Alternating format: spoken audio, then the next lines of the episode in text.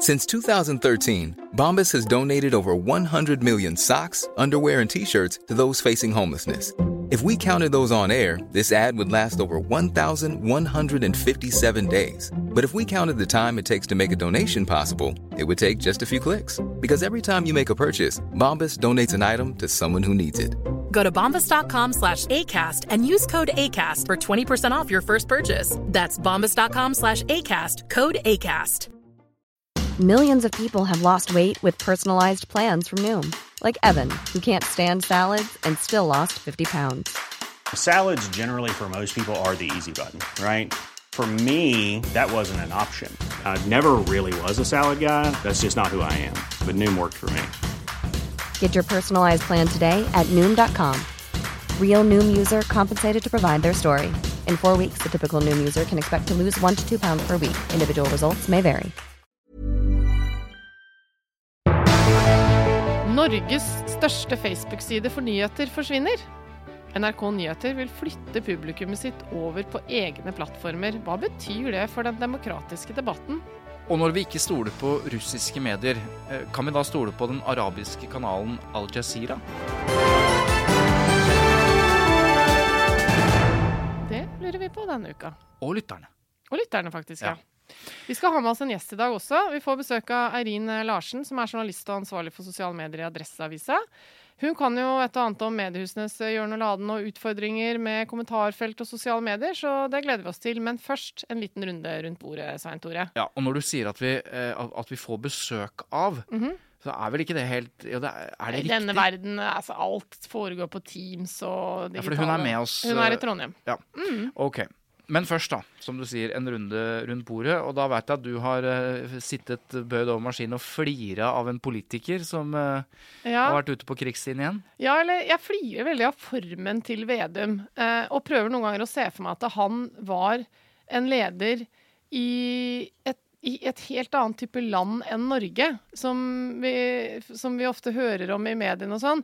Og se for meg liksom når han kommer med sånne anmodninger, eh, hvordan ville det liksom Altså, ja, nå tenker jeg på Putin, og jeg skal ikke sammenligne Putin og Ve- Vedum. Nei, det må du ikke gjøre. Nei, nei. Nei, nei. Altså, ikke annet enn oppi huet mitt. Ja, det er lov. Nei, ja. Men eh, han er på krigsstien mot PR-folk, og det må han få lov til. Altså, det er mange som eh, er det, og har all grunn til det òg. og han kaller jo PR-folk og PR-byråer for lobbyister, da. Klassekampen da, har omtalt denne saken eh, hvor eh, Vedum eh, uttaler til alle sine statsråder og partifeller at vi skal si nei til alle forespørsler fra PR-bransjen om kontakt eller møter. Du skal ikke ta telefonen engang? Nei.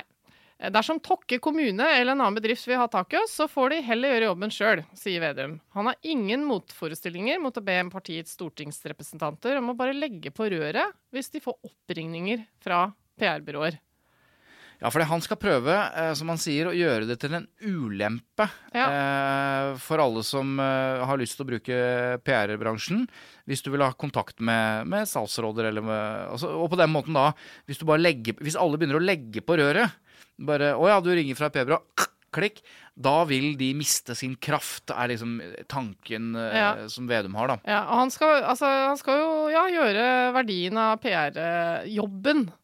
Ja. Som, eh, som kommunikasjonsrådgivere gjør, da. Og Ja. Delvis også noen ganger ved å hjelpe folk til å forstå byråkratiet for å rett og slett nå gjennom. Det skal han eh, gjøre mindre viktig. Og nå skal jeg prøve å liksom unnskylde den eh, introen jeg hadde med sammenligningen til en viss eh, russisk president, men jeg bare ler litt når jeg hører liksom hvordan han eh, kommer med sånne regler Mm. til sine medarbeidere. Legg på røret. Som jeg føler er litt sånn Dette har jeg bestemt. Mm. Altså, jeg bare føler at det er også litt sånn udemokratisk å innføre en sånn veldig streng regel om at du får ikke lov å prate med i hvert fall noen av dem er forholdsvis smarte folk. da. Ikke Ja. så kjipe som man skal ha det til. Altså, jeg syns dette her Jeg vet ikke helt. Jeg, jeg klarer jo ikke engang å hisse meg opp over det. øh, og da kanskje vi skal legge til Jeg er eller, ikke hissig. Jeg- Nei, jeg, jeg ser bare det. Men minne folk på at vi er kommunikasjonsrådgivere. Ja, ja, ja. Vi, vi driver en podkast, men vi er kommunikasjonsrådgivere. Det er greit å bare Vi er PR-folk. Vi er PR-folk. Og jeg har full respekt for at folk er skeptiske til PR-folk, så det er egentlig ikke derfor jeg ler Vi er jo veldig skeptiske til PR-folk sjøl. Jeg trodde jeg skulle si vi er veldig hyggelige. For det er vi òg. Nei, men, men dette her eh, Vi har jo noen forutsetninger for å mene noe om dette, nettopp. Fordi vi er, er PR-folk. Det er Men riktig. Vi har vel aldri ringt eh, til noen på Stortinget eller i statsapparatet og sier vi ringer på vegne av noen som har lyst til å møte deg. Altså, det, dette driver jo ikke vi Nei, med. vi gjør ikke det. Men jeg har lyst til å bare uh, minne om én ting. Uh, og Det er Kjetil Raknes, som er doktorgradsstipendiat for Høgskolen i Kristiania. Tidligere politiker, uh, nå eh, doktorgradsstipendiat, og jobbet også i kommunikasjon. Han kaller jo dette Vedum-stuntet for eh, liksom tidenes mest hjelpeløse kampanje mot lobbyisme. Oh, ja, Eh, og, og han eh, sier at nå fortsetter dette med uforminsket styrke. Eh, og dette rådet fra Vedum da nå, at eh, dersom noen ringer fra Gelman og Kise eller Gambit eller noe sånt, legg på. Men Mm. skriver Raknes, hvis du er tidligere statssekretær eller politisk rådgiver som nå jobber i Norsk olje og gass eller Rederiforbundet eller NHO eller Bondelaget eller LO, du skjønner hvor jeg vil, Ja, alle ja. store interesseorganisasjoner som løper inn og ut på Stortinget hele tiden og ringer ned stortingspolitikere, gamle Ja. kollegaer, de må du gjerne snakke med. For de kan gamet, vet du. Så vet det, det, nei, men altså, det, det er veldig godt poeng, det der. Det, hva er forskjellen, egentlig? Nei, det er jo det som er helt som er så teit ved dette, at han har hengt seg opp i PR-rådgivere. som de største lobbyistene du- jobber jo ikke i PR-byråene. Nei, fordi de- lobbyistene som du omtaler nå, som er helt lov og innafor i henhold til Vedums logikk, da, um, de kan jo gamet. Og nettopp derfor eh, når de gjennom til departementene osv. De, de vet hvordan de skal henvende Ja da, seg. og det er mange i PR-byråene som også kan gamet, Ja, for de har også er tidligere poenget. politikere. Det er jo det mange ofte trenger hjelp til. Ja. ikke sant? Fordi det er veldig vanskelig å finne fram med dette demokratiet Ja. som politikerne skal ha til at det, er bare å ringe en hvilken som helst. eh, Det er det jo ikke. Og det er det ikke. Også, øh, og bare kanskje folk har fått med den saken, det er jo tidligere stortingspolitikere for Høyre og statsråder fra Høyre som nå har skifta jobb og blitt lobbyister i ulike Ingen av de i PR. Mm. Har gått til Rema 1000. Og så ringer sine gamle kolleger og spaserer. Og, og vet du hva, de har jo fått sånn gullkort også, så de kan gå inn og ut av Stortinget hele, hele livet. Ja. Fordi de har vært stortingspolitikere. Og så er det ehm, Nå husker jeg ikke helt hvem det var, men det er jo en Jo, Monica Mæland, tidligere justisminister og beredskapsminister. Hun har begynt som, i advokatfirma. Ja. Og da hjelper hun da klienter, alle som de har der. Men hun er ikke Jobber heller ikke PR, ansatt. nei, ikke PR-byrå. Så dette skillet mellom PR-byrå eh, og resten av verden er jo helt eh, Ja, liksom og På samme på konsulentbruk også. Altså PR-byråer utgjør kanskje en prosent av dette konsulentbruket til staten, men de skal du slutte å bruke. Mens de andre konsulentene, som er alle andre Ja. Det er, altså, det er du, et eller annet ting som jeg synes er litt gøy. greier her som vi ikke helt forstår Ja. hva han driver med. På onsdag denne uka så inviterte en professor og en høyskolelektor ved henholdsvis Høgskolen Kristiania da, og BI, eh, Senterpartilederen da, og finansministeren Vedum, til en undervisningstime om hva PR-bransjen egentlig er for noe. Det syns jeg var litt gøy. Ja, Det, for det- hadde jeg litt lyst til òg. Det er åpenbart han ikke helt Og invitere skjønner- han hit Ja, for ja. å rett og slett ta det møtet for alle dere som hører på, da. Men eh, statssekretæren eh, til Trygve Slagsvold Vedum, eh, Lars Vangen, han skrev da et svar til eh, Kom24 Nettavisen. Vi takker for hyggelig invitasjon fra Vanvik og Brønn. I en travel hverdag som statsråd så vil vi nok heller prioritere ledig tid til å reise ut og møte folk, organisasjoner og bedrifter, heller enn å sette oss på et klasserom med PR-bransjen. Over og ut. Ja, Nei, men det, Og det forstår man jo selvfølgelig, Ja at han vil jo heller eh, Men, gjøre det. eh, må Men være lov å- da har vi vel sagt det vi trenger å si som PR-folk om hvor dumt det er å, å legge ned forbud mot uh, PR-folk. Uh, det høres jo ut som vi klager uh, for vår syke mor, men Ja. vi driver altså ikke pleier denne Nei, syke er jo mora. ikke det. Jeg har ikke vært på Stortinget i min jobb, jeg. Nei. Men du har mer på hjertet? Ja, altså eh, Jeg ble gjort oppmerksom på en sak som egentlig var i forrige måneds eh, Pressens faglige utvalgmøte, som handla om noe som vi vanligvis er veldig opptatt av å formidle. Mm. Eh, nemlig at i presseetikken så er det noe som nærmest overgår alt annet, og det er en avtale. Ja. Ikke sant? At, Hvis du inngår en avtale på forhånd om et eller annet, mm, så er det det som gjelder. selv om det er en avtale som på en måte går lenger innenfor noe enn det presseetikken eh, for øvrig gjør. Mm. Eh, og NRK ble da felt i forrige måned på en sak hvor eh, de, det, vært, det har vært en stor konflikt i, på Kunsthøgskolen eh, mellom litt ulike grupper av studenter i forbindelse med noe eh, utskiftning av professorer og, Ja, og mangfold osv. Pågått en kjempestor debatt om kanselleringskultur, og det er høy stemning der. Ja, ikke sant? Og, og NRK har eh, fulgt eh, en kunststudent eh, på denne skolen da, i forbindelse med eh, en episode av serien 'Gutter mot verden'. Og, og da var de da eh, til stede på Kunsthøgskolen i forbindelse med en diskusjon eh, med en annen student, og den skulle bli filma. NRK filmet dette Ja. uh, som en del av den serien, da. Men så oppsto en situasjon der hvor meningsmotstanderne begynte å lage trøbbel og sånn for å prøve å hindre at dette skulle skje, for de ville ikke, da, antagelig. Det ble at, en vanskelig situasjon for NRK, da, Ja. antar jeg. Eh, Men de ville gjerne ha med dette, ikke sant? Og så skjer det, som da er litt problematisk, nemlig at for å roge mytten og få liksom dette ferdig og filmet, så, så lover en av journalistene i NRK eh, denne personen at eh, Men slapp av, vi skal ikke ha, vise deg. Du, vi skal ikke ha med deg med mindre du godkjenner det. Ja. Eh, Så kan du bare liksom stikke nå, så vi får filmet ferdig den debatten som vi ønsker å ha med i vårt program. ish. Og da har man jo lovet noe, inngått Ja. en avtale med denne personen. Ikke sant? Men det de gjorde, var at de li- allikevel publiserte den scenen, riktignok uh, anonymisert og sladdet med den personen som det var inngått avtale med, for jeg tror ikke de hadde fått tak i vedkommende. Mm. Så de valgte allikevel å publisere scenen, da, fordi det var viktig for å vise frem Mm. Det da, som skjedde. og da fulgte de det de mente var presseetikken, ved å anonymisere og gjøre alle de tingene. Men de ble felt allikevel. Ja, det ble felt nettopp fordi at eh, en avtale er en avtale, og den kunne bevises i dette tilfellet, for det var visst gjort opptak av at de fikk det løftet. Nettopp. Eh, og så blir det felt. Eh, og det som er litt interessant, er at det, det at de faktisk viste det, sånn i og for seg, var egentlig helt greit, for det var litt viktig poeng å vise i denne Mm. debatten om kanselleringskultur og sånn, at noen prøver å hindre noen andre å få lov å si det de vil til NRK. Men eh, det hjelper ikke. Men moralen, hva er det da? Ikke inngå avtaler?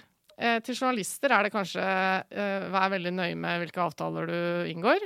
Og til en eh, potensiell kilde i en sak, så tror jeg fortsatt eh, Inngå fall- avtale. Ja, Budskapet vårt er vel pass på å inngå avtaler, eller i hvert fall sørg for at du har kontroll på premissene. Mm. At du forstår hva du begir deg ut på. Mm. Ok, eh, jeg har også lagt merke til noe når det gjelder eh, PFU. Det er da denne eh, ukas PFU-møte. Ja. Eh, der var det Som er da Pressens faglige utvalg, Pressens faglige utvalg. Bedømmer eh, klager fra folk og organisasjoner på presse, pressens arbeid. Riktig. Og der eh, var det en interessant sak eh, som jeg ikke skal gå gjennom i en helhet, men jeg la merke til én spesiell ting. Vi har jo snakket en del om sitatpraksis. Mm. Blant annet fordi du har sittet i Kildeutvalget, hvor dere har diskutert dette her med norsk sitatpraksis eh, osv. mot internasjonal. Hvor det er eh, en veldig sterk tradisjon i Norge for å liksom, ha hovedfokus på å gjengi meningsinnholdet i, eh, i intervjuobjektenes eh, uttalelser. Hvor det er litt frihet i hvordan det pyntes på. Det har vært en tradisjon, men det er strammet litt inn nå, da. Man ønsker jo at sitater skal gjengis presist. Ja, det står, bare så vi har tatt det, eh, Ja. ikke sant? det står 'kilder skal gjengis korrekt'. Mm. Pressen har plikt til å gjengi meningsinnholdet, som du sier, i det som brukes av intervjuobjektets uttalelser. Og ingen kilder har krav på å bli gjengitt i sin helhet. Nei. Det er punktet i Vær varsom-plakaten. Mm. Men eh, la oss si det sånn at det har vært mest vanlig i norsk tradisjon å legge vekt på det som står 'gjengi meningsinnholdet', Mm. heller enn det som kommer først der. Denne har jo også vært eh, revidert noen ganger, men Mm. eller, at kilder skal gjengis korrekt. Vel, vel. Denne saken han er en stor sak. Eh, Bane Nor klager inn Aftenposten på brudd på Vær varsom-plakatens 3.7, 4.13, 4.14, Masse 3.2 punkter Masse som handler om uh, disse tingene. Mm. Men også sitatbruk. Og enden på visa er at eh, Aftenposten får eh, blir utsatt for kritikk i behandlingen. ikke sant? At møtet eh, og medlemmene uttaler at her har Aftenposten gjort flere feil. Mange forskjellige feil som de har rettet opp osv. Men etter en samlet vurdering så er det ikke eh, brudd eh, på presseetikken. Verken kritikk eller brudd. Men dette med sitat, det de har gjort, er nemlig De har opplevd noe som vi er godt kjent med, nemlig at det er en krasj mellom Aftenposten og et stort medium og en etat eller en offentlig virksomhet, eller gjerne en privat også, og så er det bare skriftlig informasjon fram og tilbake. De vil ikke stille til intervjuer, eh, det er kommunikasjonsavdelingen som mm. er med, Og det er masse mailer fram og tilbake med oppfølgingsspørsmål og sånn. Ikke sant? Og når man leser artikkelen, så får man jo inntrykk av at det har vært intervjuer. Ja. Men det har det ikke vært. Nei. Og det har, ikke vært, det har vært så dårlig med intervjuer at Aftenposten har rett og slett satt sammen et sitat. De Mm. For har, å gjøre saken eh, overkommelig, rett og slett, ja, sikkert i beste mening. De har Ja. fått informasjon fra kommunikasjonsavdelingen, som jo er offentlig uttalelser å regne. Men så har de på en måte satt sammen Som sikkert sammen har vært lange og mange. Ja. Mm. De har satt sammen eh, et sitat. Ehm, og sitatet er som følger. Noen må jo da ha sagt dette, ser det ut som. da. Sitatet er som følger. Vi anser det ikke som noe problem at gjennomsnittlig 210 slutter i året, og man holder de som går av med pensjon utenfor. Sitat slutt. Så det fremstår som noen har sagt det. Ehm, Aftenposten mener at dette er en presis gjengivelse av faktaopplysninger og meningsinnhold i det de har fått fra Bane NOR. Men det er ikke et sitat. Det er ingen som har sagt det. Nei, nei. Nei. Det Sto det som har- bak sitatstrek? Ja, sitatstrek og det hele. Mm. Eh, og det skjønner jo Aftenposten at det, det, de skriver da eh, Feilen i dette tilfellet er at ordet 'vi' fulgte med fra den opprinnelige e-posten og ikke ble omskrevet til Bane NOR. Og i tillegg ble setningen feilaktig utstyrt med en t Mm. Eller en talestrek, som de kaller det da. Ja, for de kunne gjengitt, ikke sant. Eh, Bane NOR eh, mener Bane NOR sier og Ja. uttaler seg til oss, eller skriver. Mm. Poenget, Skriver, grunn, skriver. grunnen til at jeg eh, mener at dette er verdt å snakke om, er at det er jo bare et resultat av at vi har en sitatpraksis i Norge fortsatt, der man ikke er så opptatt av hva folk egentlig har sagt, bare de gjengir meningsinnholdet. Og det mener jeg er en uting. Dette er åpenbart en feil. Mm. du, kan ikke, du kan ikke konstruere et sitat og sette en sitatstrek og mene at selv om meningsinnholdet til Bane NOR kommer fram. Men eh, ja, så Det er litt synd at uh, hvis det er en åpenbar feil, at det ikke blir et uh, brudd eller kritikk fra Pressens faglige utvalg. Det da. som kjennetegner hele den saken her, det er ganske interessant for de som er eh, veldig nå vil nerde på presseetikk, å gå inn og se den behandlingen av denne saken. For her er det masse Aftenposten har gjort som ikke er bra. Første saken uh, etterlater et inntrykk som ikke er riktig. Men det, og det er flere medlemmer som er kritiske til mange ting. Men her er det det klassiske. Dette har du vært med på flere ganger.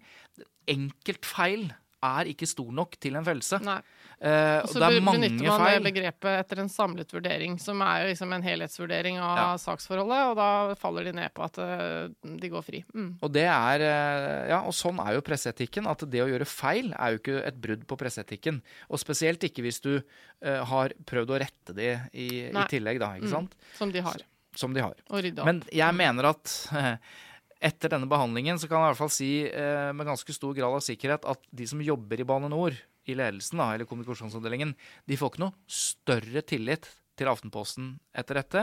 Og de får ikke noe større tillit til Seldum-organet heller, tror jeg. Fordi at de mener de fortsatt har rett. Eh, De burde vært en fellelse. Og det er eh, både slurv og slentrian og kanskje eh, noe mer av det. Men eh, Aftenposten går fri. Og dette, ja, dette er litt i kjernen, tror jeg, av hva vi har snakket om gjennom mange episoder. Hva er det som skaper tillit, og hva er det som eh, skaper mistillit til mediene?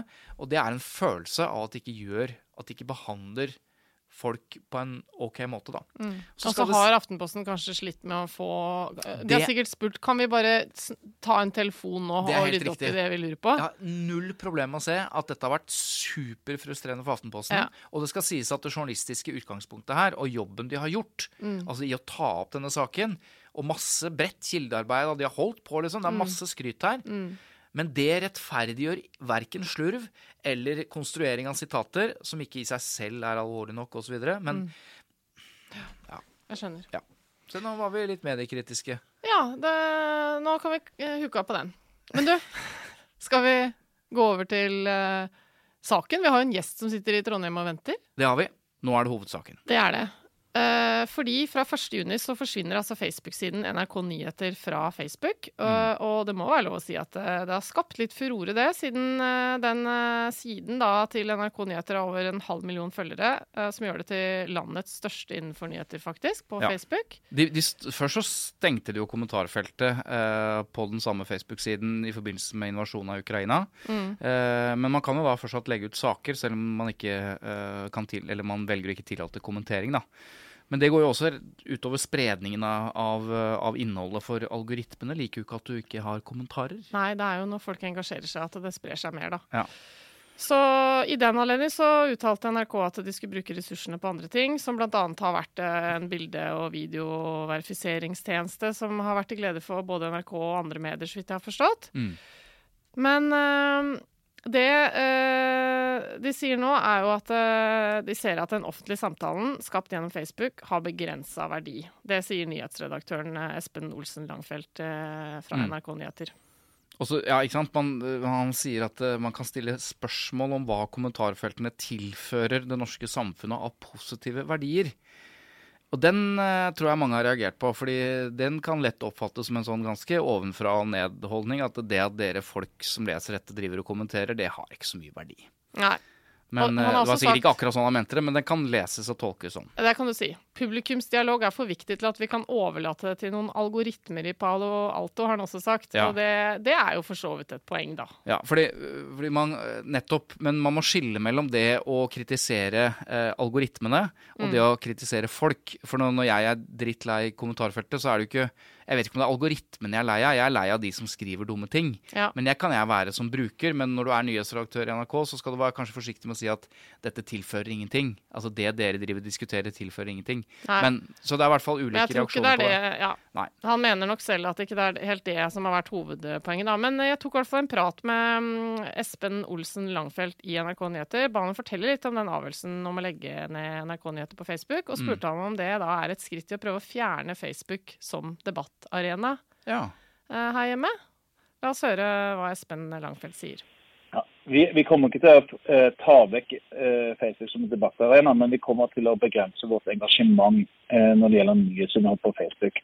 Og så tror jeg det at dette vekker sterke følelser hos noen i befolkningen som har brukt Facebook som sin arena for politisk virksomhet. Eh, og eh, diskusjon. Og De må jo gjerne gjøre det, men det finnes så mange andre arenaer også å forholde seg til, eh, og som NRK må ta hensyn til. Hovedårsaken til, til denne avgjørelsen om å legge ned kontoen NRK Nyheter, er at vi ønsker å styrke egen plattform.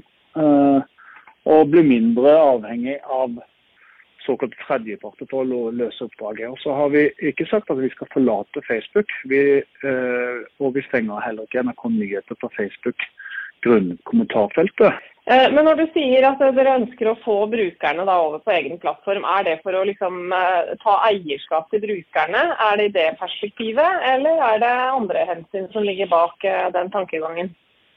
Det høres eh, sånn voldsomt ut når du sier eierskap til brukerne. Men eh, eh, for det første så er jo eh, f.eks. aktiviteten på Facebook og det som blir eh, eksponert, er eh, algoritmestyrt, som går bl.a. på engasjement og sånne ting.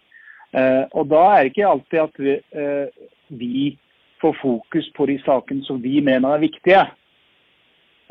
og det betyr også at vi har ikke alltid kontroll på egne eh, redaksjonelle vurderinger, som det betyr f.eks. at vi får noen eh, podkaster eller illustrasjoner sensurert og sånne ting. Det er jo noen som i debatten mener at dette er udemokratisk av NRK. Hva, hva sier du til det?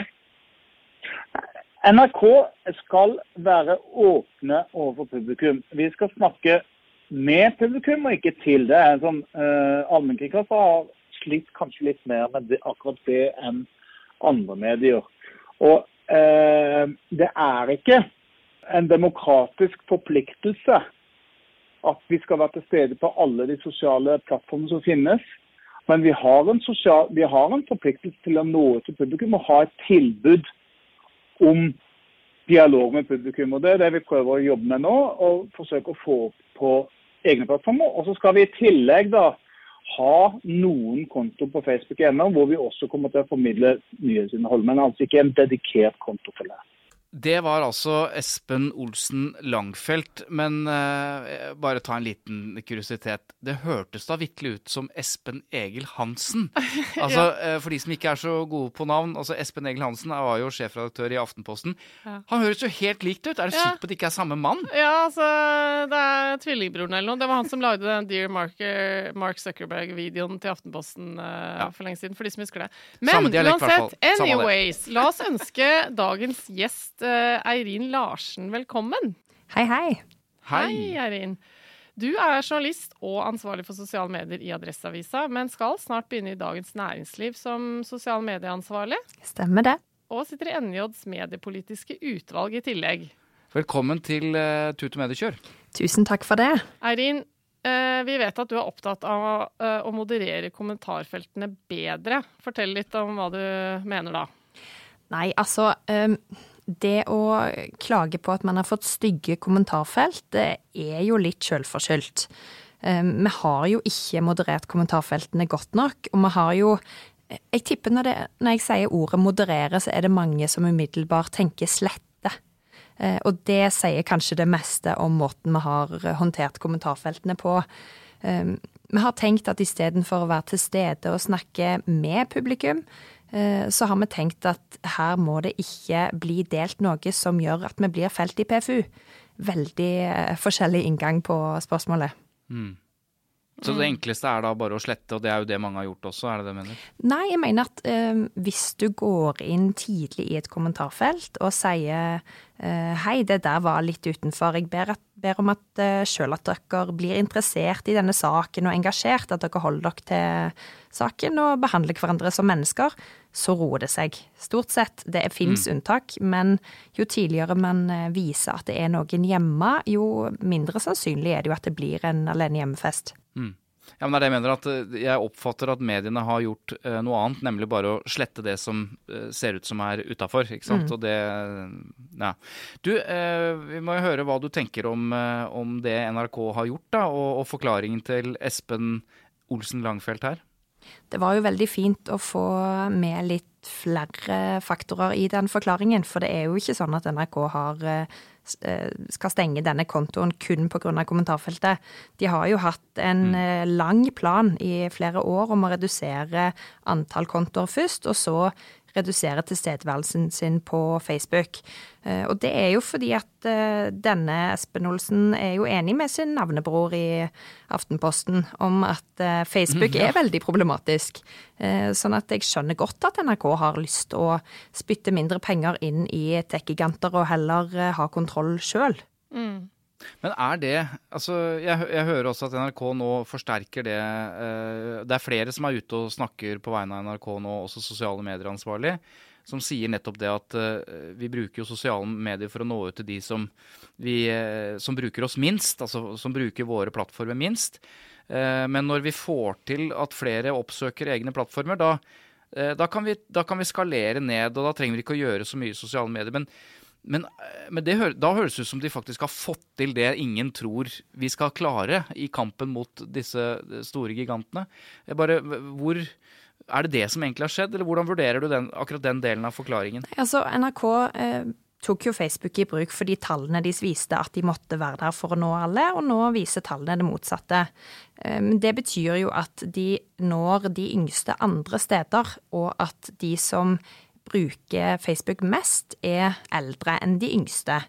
Eh, men samtidig så mhm. viser jo tallene da at 16- til 24-åringer at det er 60% av de som leser nyheter på sosiale medier. Det er riktignok mest på Snap og Insta, men for oss over 25 eh, og det er jo ganske ungt det òg, da, hvis man har brillende medier som jakter lesere.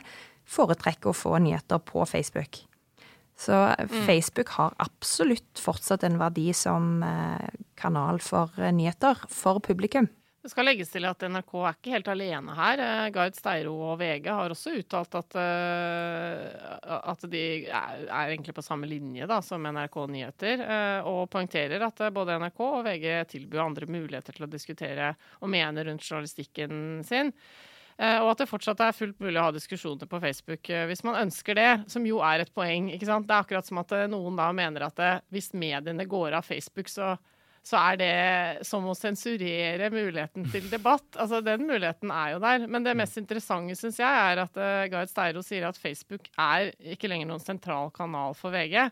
Og heller ikke som en debattarena. Og at de kunne skrudd av Facebook i morgen uten at det hadde betydd noe stort for VGs eh, engasjement og lesertall. Og, da, og nå høres det ut som vi, at vi nærmest ikke er eh, så avhengig av Facebook eh, som vi trodde vi var. Hva, hvilken vurdering eh, gjør du der, da, Eirin? Nei, altså det er jo kun NRK og VG som har den forsidetrafikken de har, da. Eh, sikkert noen mm. unntak som blir litt snurt nå, men eh, VG ligger jo på 1% i trafikk fra Facebook, sist jeg hørte fra de, så de trenger jo ikke mm. Facebook. Men vi må ikke glemme at Eh, det er veldig mange medier som gjør det. Eh, adressa der jeg jobber, trenger heller ikke Facebook, men det er et eh, haug av lokalaviser i Norge som ligger på mellom 20 og 30% av trafikken sin fra Facebook. Og derfor så kan man jo tenke litt òg på at hvis, bare, hvis alle de store som har mulighet til å gå av, går av, men de små blir igjen, men plattformen blir et kjipere sted der det er vanskeligere å dele nyheter, så kan man tenke seg på om de store burde ha tatt mer ansvar for de små før de trakk seg ut. Mm.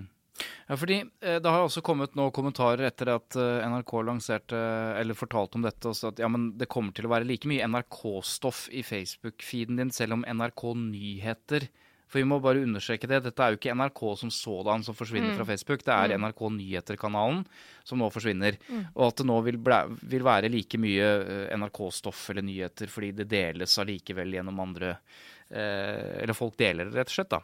Mm. Men, men eh, du nevnte dette med lokal og distrikt. altså NRK Eh, står jo også for veldig mye distriktsnyheter. Hva, hvilken retning eh, ser vi for oss at NRK skal gå i? For jeg ser for meg at distriktskontorene, som lokalavisen, er mye mer avhengig av, av andre typer plattformer for å kunne spre nyhetene sine enn det NRK sentralt er. Hvilken retning tror du NRK går i? Nei, Det blir veldig spennende å se, men vi vet jo i hvert fall at NRK har store planer om å redusere eh, mengden kontoer fortsatt, og hvor avhengig de er av Facebook. Eh, så selv om det er bare én konto som er stengt nå, så kan vi jo godt tenke oss at det blir flere. Eh, når det gjelder distriktskontorene, så er jo det en hva skal man si, het potet. Det var jo, ble mye bråk mm. Distriktskontorene kutta i TV-sendingene sine, så mye at det ble reversert. Eh, det er jo nå eh, Kan jo strekke det nesten så langt som å si at det er Facebook-sidene som gjør at NRKs distriktskontor kan lage en nettsak som de kan risikere at forsida og nrk.no ikke vil ha. Så sånn sett så er det jo en, fortsatt en kanal for de, men de har jo også redusert eh, bruken sin av Facebook veldig, veldig mye. Jeg, da jeg kikket gjennom et par distriktskontorsider nå i dag, så var det mellom to og fire poster daglig. Sånn at de er jo allerede eh, veldig, veldig redusert, de også. Her er, her er, det jo veldig stor forskjell. Altså, eh, bransjemediene som vi ofte omtaler, da, Medie24 og journalisten.no sånn, der opplever de litt mer nisjete mediene. Mange av dem opplever jeg at det legger ut nærmest hver eneste sak som en post mm. på Facebook. Mens eh, de store mediene da tydeligvis går eh, i en annen retning. Eh, jeg bare la merke til, Det er noe tall fra Norsk mediebarometer fra 2021 som sier at det er 39% av befolkningen som leser nyheter via sosiale medier.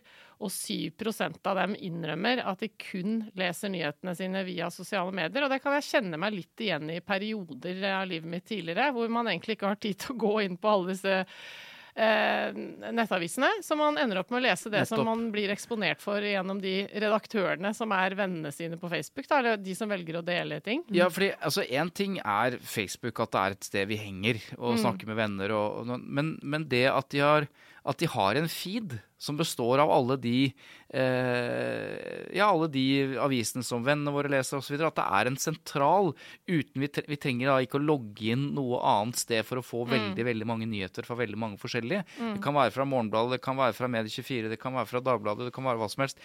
Og hvordan skal vi For, for den, det brukergrensesnittet og den servicen vi får på mange måter i Facebook, den fins det jo ikke noe alternativ til i dag, Eirin. Hva, hva, øh, hvordan kunne vi fått det, da? Altså, for for er, vi må jo ha et alternativ hvis vi skal, alle skal logge av Facebook.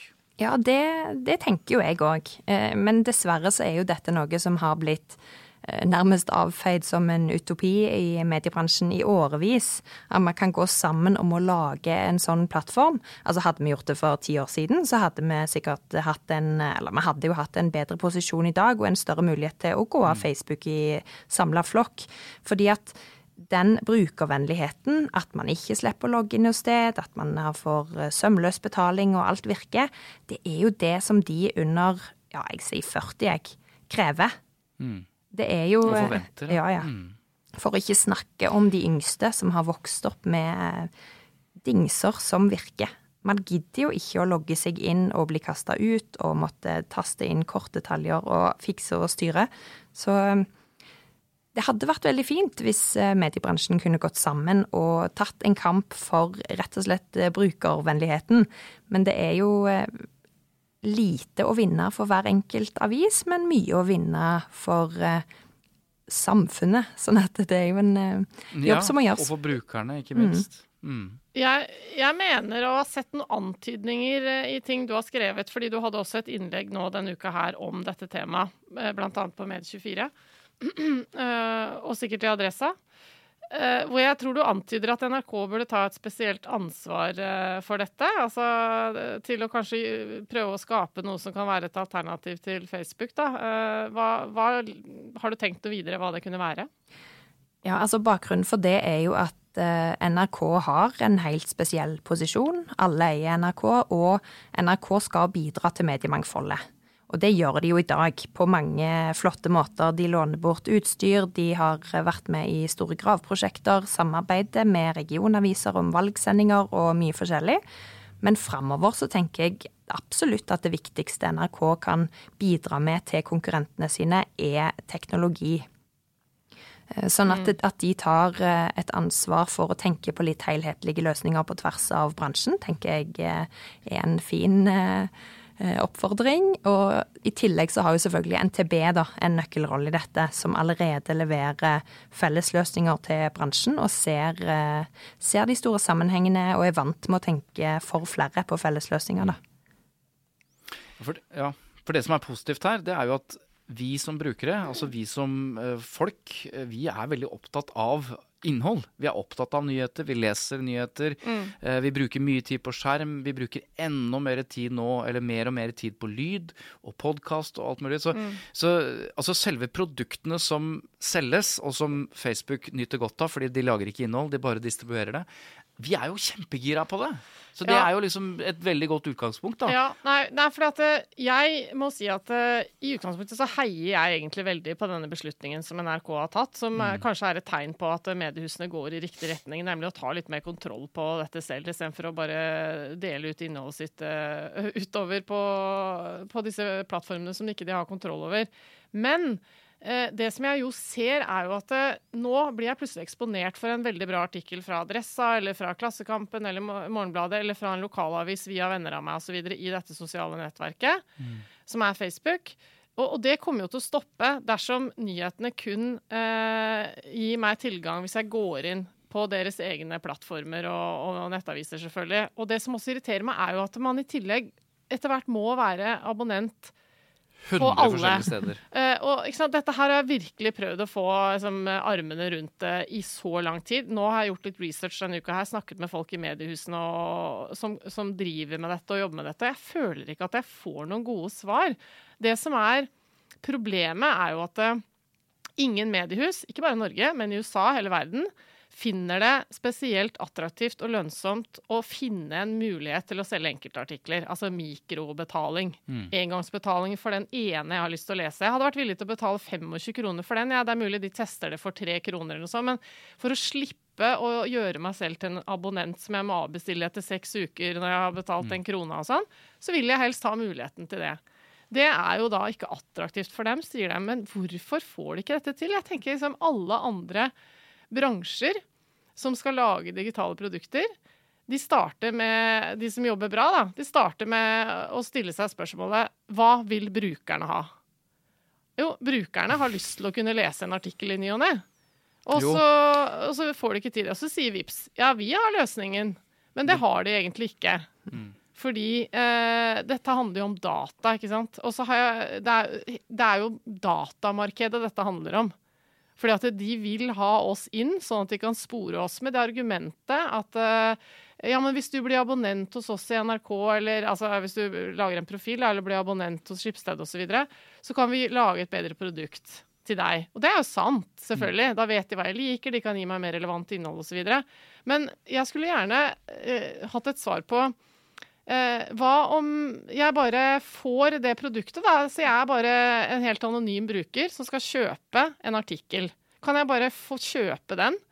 Den kan koste nærmest hva den koste vil. Ja, Så lenge de ikke trenger å be meg om masse data. For det, det som er problemet med dataen, er at vi er beskyttet av GDPR og andre ting. Sant? Det er mye juss her som gjør at de er nødt til å stille alle de spørsmålene som gjør meg så jævlig forbanna. Ja, men det er jo fordi data er det nye og eneste mest verdifulle Ja, gullet vi har. Så det er jo derfor de vil ha det. Ja, ja, men hvis de kan eh, ta seg betalt isteden den ene gangen. Altså Hvis jeg bare kan gå inn på et eller annet sted, kjøpe et produkt, sånn som jeg kan gå inn helt anonymt i en butikk og takke nei til å bli del av kundeklubben.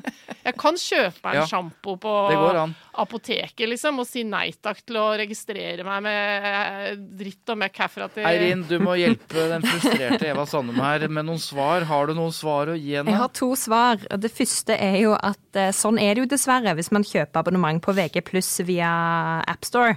Da stikker Apple av med all dataen. Skibsted får ikke den. De vet ikke hvem de har solgt et abonnement til, og de får 70, pr- eh, 70 av pengene. Men de får ikke dataen. Ja, dataen. 30 forsvinner til disse De gjør det. Til, Til disse eh, slemme ja, tech-gigantene. og- mm. Eh, og i tillegg så er et annet svar, eh, som er grunnen til at man ikke kan selge enkeltartikler, er jo at man er avhengig av den forutsigbarheten som abonnentene gir. Fordi hvis man skulle kun solgt enkeltartikler, så måtte man lagd de artiklene som fikk flest salg. Eh, altså ikke de store gravprosjektene, ikke de sakene som man eh, kanskje slår an med, men som man vet tar litt tid og er litt vanskelige. Men jeg har jo tro på at det går an å få til en brukervennlig måte å selge journalistikk på. Det handler jo litt sånn om eh, Siden dette har blitt avfeid i årevis, så, så kan det jo hende vi hadde kommet opp med mye bra hvis vi hadde satt oss ned og virkelig tenkt på det. Man kan jo ha en Det du egentlig ja, Man kan jo ha en plattform der man eh, velger sine aviser, f.eks., sånn at pengene du betaler inn for et fellesabonnement, blir en fordelingsnøkkel mellom lokalaviser og VG. Kanskje man kunne si at alle under 25 skulle fått det gratis. Eh, Så det er masse muligheter i å tenke litt felles her. Ja, Men det, jeg- det jeg la merke til nå, bare, eh, Eva, det var at det hun egentlig sa, at du vil få enda mer Dagblad-klikksaker hvis du skal Mm, betale hvis. Så du- hvis du skal betale du for hver- hver enkelt. Da må Jeg alle jo- bli klikksaker. Jeg vil jo egentlig ha pose og sekk her, ikke sant. Ja, jeg jeg, vil abonnere og støtte de mediene som jeg bruker mye. Eh, og så vil jeg ha muligheten til å shoppe litt rundt på enkelte bra produkter som kommer fra andre leverandører. Mm. Men jeg ser jo poenget her. At eh, Hvis alt skulle være brukerfokusert, så hadde jo Netflix, HBO, Apple TV og Disney pluss og Mm. Amazon som gått sammen i det samme som du nå beskrev, Eirin. I en eller annen tjeneste som vi kunne betale kanskje 300 kroner i måneden for, istedenfor til sammen 700 for alle de vi nå abonnerer på. da. Mm. Og så kunne, vi, så kunne de pengene kanskje fordeles litt sånn avhengig av hva jeg så på og sånn. Alt er jo mulig med teknologi, men det har jo ikke skjedd. fordi at utgangspunktet er vel kanskje at alle vil jo helst håper å si, karre til seg mest mulig. og Ja, fast- er jo- Jeg skjønner det behovet for forutsigbarhet på inntekt. Og det er klart at uh, forretningsmodellen, uh, selv om vi trodde at vi skulle gå dukken med Facebook som stakk av med alle, eller veldig mange av, eh, av inntektene, reklameinntektene, så, uh, så går jo VG ganske bra med sin modell. Mm. Vi kjøper VG pluss, mange av oss, og nå kjøper vi Herren flytter meg Podme og Podme-abonnementer, og vi holder jo på. Og så er det litt sånn, ta utgangspunkt i det brukeren vil. Eh, Jeg har vokst opp i kommersielt fjernsyn og kommersiell radio. Der er det noe som heter reklame. Og er det noe jeg vet som irriterer folk, så er det jo reklame. Du hører folk klager over det. All den reklamen, ja, men de ser jo på allikevel. Eh, og all den reklamen utgjør milliarder av inntekter for kommersielle TV-kanaler som de kan lage TV for. Så det er jo ikke sånn at hvis vi skulle fulgt brukernes ønske, så, så skulle TV 2 og TV3 og liksom mm. bare tatt vekk reklame da, for ikke å plage folk. Da hadde det ikke blitt noe igjen. Ja, de selger jo Play, da, eh, med mindre ja, nå, reklame. For de, siste... de, som er villige til å betale mer for å se ting Nettopp. Så de som er lei reklame, de kan være cord cutters og så mm. kjøpe eh, liksom abonnementstjenester. Eh, men det er jo i løpet av de siste eh, fem til ti årene det har skjedd. Men, eh, men, det er i hvert fall eh, Ja, man kan ikke bare kutte ut reklame fordi folk ikke liker det. Men Marin, hvis du ble dronning i hele mediebransjen og hadde enevelde en liten periode, hva, hva hadde du gjort da? for å prøve å nærme deg en løsning her? Jeg forbudt mais i kantina, tror jeg. Nei. det er det første. Hva, hva, hva, hva ville andre vært? Nei, eh, det måtte nok vært å samle eh, toppsjefene og de som sitter absolutt tettest på produktet og eh, kundene, som kan fortelle hvor, hvor det gjør mest vondt, og løse de problemene vi har sammen. Um, men eh, det, det, forutsetter jo at man klarer å eh, risikere litt, da. Risikere miste litt eh, ansikt i møte med kolleger. Innrømme at kanskje sin løsning var litt dårligere enn kollegaen sin. Tenke på brukervennlighet. Det er jo òg et behov som De som virkelig føler på at det skurrer, de klager jo ikke så ofte man bare dropper å bruke det. Eh, det er jo ingen som gidder å mm. klage på en restaurant hvis man ikke skal tilbake. Sånn at det at mm. ungdommen skal begynne å klage på at vi har for dårlig innlogging, forutsetter jo at de bryr seg. Sånn at det er vår jobb mm. å få de til å bry seg. Men Eirin, eh, og tusen takk for at du, du oppklarer og svarer og, og, bidrar. Men det vi kanskje har glemt, som ligger som en slags underliggende premiss her, som alle vi på en måte godtar, det er at Facebook er en slags er et problem, eller er en fiende, eller er et eller annet Du kalte det et eller annet med disse skumle tech-gigantene. Men hva er egentlig hovedproblemet med, med Facebook? Nei, det er jo at eh, det skaper et bilde av samfunnet vårt og verdenen vår som eh, skaper fronter mellom folk, som bidrar til polarisering, som fremmer det innholdet som er lengst ute til en av kantene. Som gjør at man ender opp med å snakke styggere til hverandre der enn på gata fordi det blir prioritert. Og i tillegg for mediene, da, som NRK eh, og Adresse alle sammen, så blir jo Facebook et sånn ugreit mellomledd mellom journalistikken og publikum. Fordi det pusher ut de sakene som er mest polariserende, men også fordi vi ikke kan bruke de bildene vi vil, f.eks., til å formidle budskapet vårt. Eh, hvis man skal ja, For da snakker vi om sensur eller noen no, no regler de har som, som, er helt, uh, som er helt aparte vanlige redaksjonelle vurderinger. ikke sant? Ja, vi snakker om eh, puritanske brukervilkår fra California som kommer inn og sier at nakenhet ikke er greit. Selv om du skal dekke en krig, så kan du ikke vise blod. Selv om du skal mm. publisere en reportasje om plastisk kirurgi, kan du ikke vise en sprøyte. Sånn at det er veldig vanskelig, umulig, mm. for en redaktør å bli overstyrt på den den måten der. Vi får ikke gjort jobben vår på en ordentlig måte. Og publikum får heller ikke den journalistikken de fortjener der. faire. Og eh, det at Facebook er eh, problematisk på de måtene du nå har eh, snakket om, det, det er jo én ting. En annen ting er nettopp at de blir en konkurrent også, rent sånt markedsandelsmessig. Altså de stikker av med mye av den kaka mm. som norske medier er helt avhengig av, og da snakker jeg om penger, for å kunne drive journalistikken sin. Så, ja, på grunn av annonseinntekter osv. Annonseinntekter. Mm. Men Eirin, tusen takk. Jeg vet ikke om vi sa det, men vi, de, de, som hørte på og lyttet, fikk vel med seg at vi har vi snakker litt høyere her vi sitter, for vi prøver å snakke helt til Trondheim. Du er altså i Trondheim, du jobber i Adresseavisa, skal nå begynne i Dagens Næringsliv. Men, eh, men eh, du har i hvert fall vært med oss eh, fra ditt podkaststudio hjemme, ser, ser det ut som. I Trondheim. Eller på jobben. Yes. Takk. OK.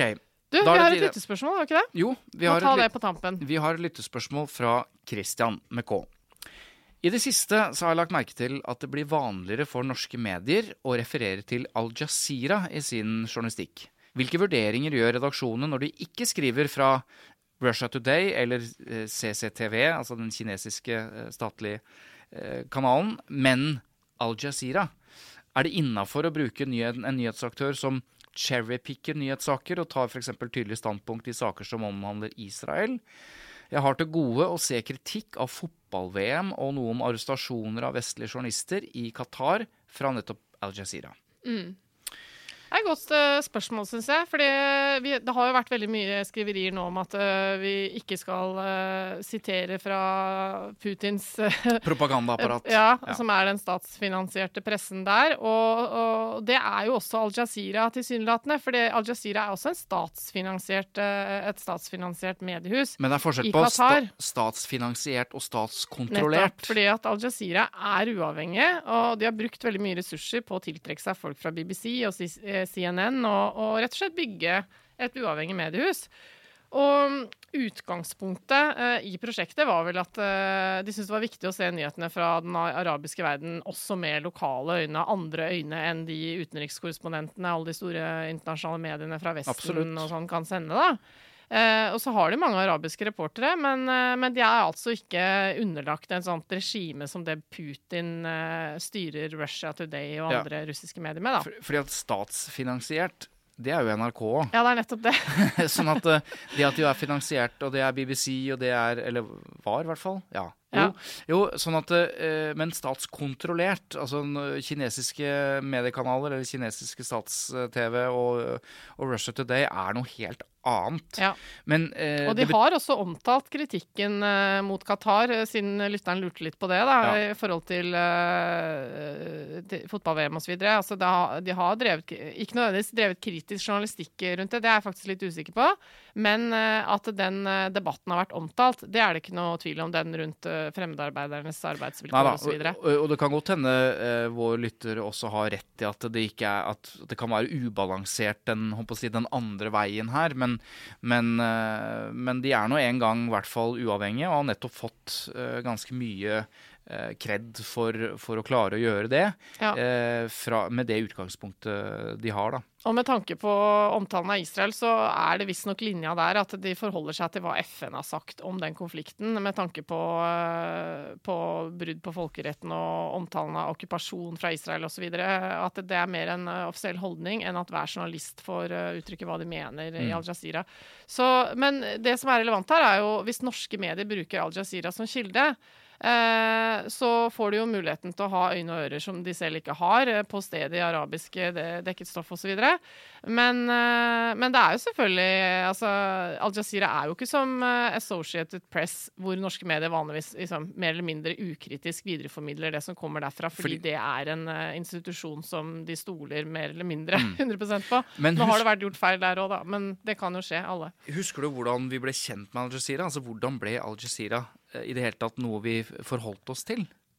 Eh, er det etter 9-11 på et eller annet vis? Eller? Jeg, nei, jeg husker ikke det. Eh, altså, nå stiller jeg spørsmål jeg eh, høres ut som jeg har svar på. Men jeg tror det, jo, men, eh, det handlet om en av disse store konfliktene. Men jeg tror det handlet om eh, enten eh, 11.9. eller ja. krigen i Irak. Altså den ja. andre Gulfkrigen ja. i 2003. Altså etter 9-11 og, mm. og, invasjonen av, av Irak, så fikk vi en utrolig viktig eh, balanse fra Al Jazeera, som var til stede på et helt annet, et helt annet nivå. Ja. Eh, både i Irak og i andre Ja, ja det har jo vært litt eh, Så det har jo vært viktig. Mm, men, absolutt. Eh, okay. Men du, eh, jeg tror vi skal runde av, for. Eh, dette blir en lang, lang, episode. Skal vi bare rett og slett si takk og farvel? Den blir vel omtrent like, like lang som den alltid blir, men jeg er enig i det. Ja. Nå er vi jo ferdig. Ja. Du, Svein Tore. Ja. Takk skal du ha. For, for at du i det hele tatt kommer, Eva. Det syns jeg er veldig hyggelig av deg. Ja, det er flott, altså. Hver, nesten hver uke. Nesten hver uke. Ja. Nå er det jo um, ja, langhelg foran oss, da, med Kristi himmelfartsdag og det ene med det andre. Ja, vi kan, uh, vi kan jo opplyse, som noen, noen, er flinke til å opplyse, at uh, denne episoden er tatt opp rett før denne langhelgen. Ja, ja. det stemmer. Og så må vi si takk til Lydig Produksjoner, og takk til deg som hører på oss og deler eh, ordet om eh, at vi finnes. Det setter vi veldig pris på. Og takk til eh, alle lytterne som stiller spørsmål. Dere, nå rakk vi ett lyttspørsmål. Vi får hele tiden flere. Vi, skal, eh, vi har jo et, en ambisjon om å, å det, besvare flere. Det sier flere. du hver uke, Svein Tore. Ja, så det har de fått med seg nå. En ambisjon. ja, Du kan ikke snakke om den ambisjonen Vi må levere på det. Ja. Ok, nei, men Det var det vi hadde før, eh, før, før vi kommer tilbake. Nesten helt sikkert neste uke. Men kan du garantere det? Nei. Nei. Ha det. Ha det bra.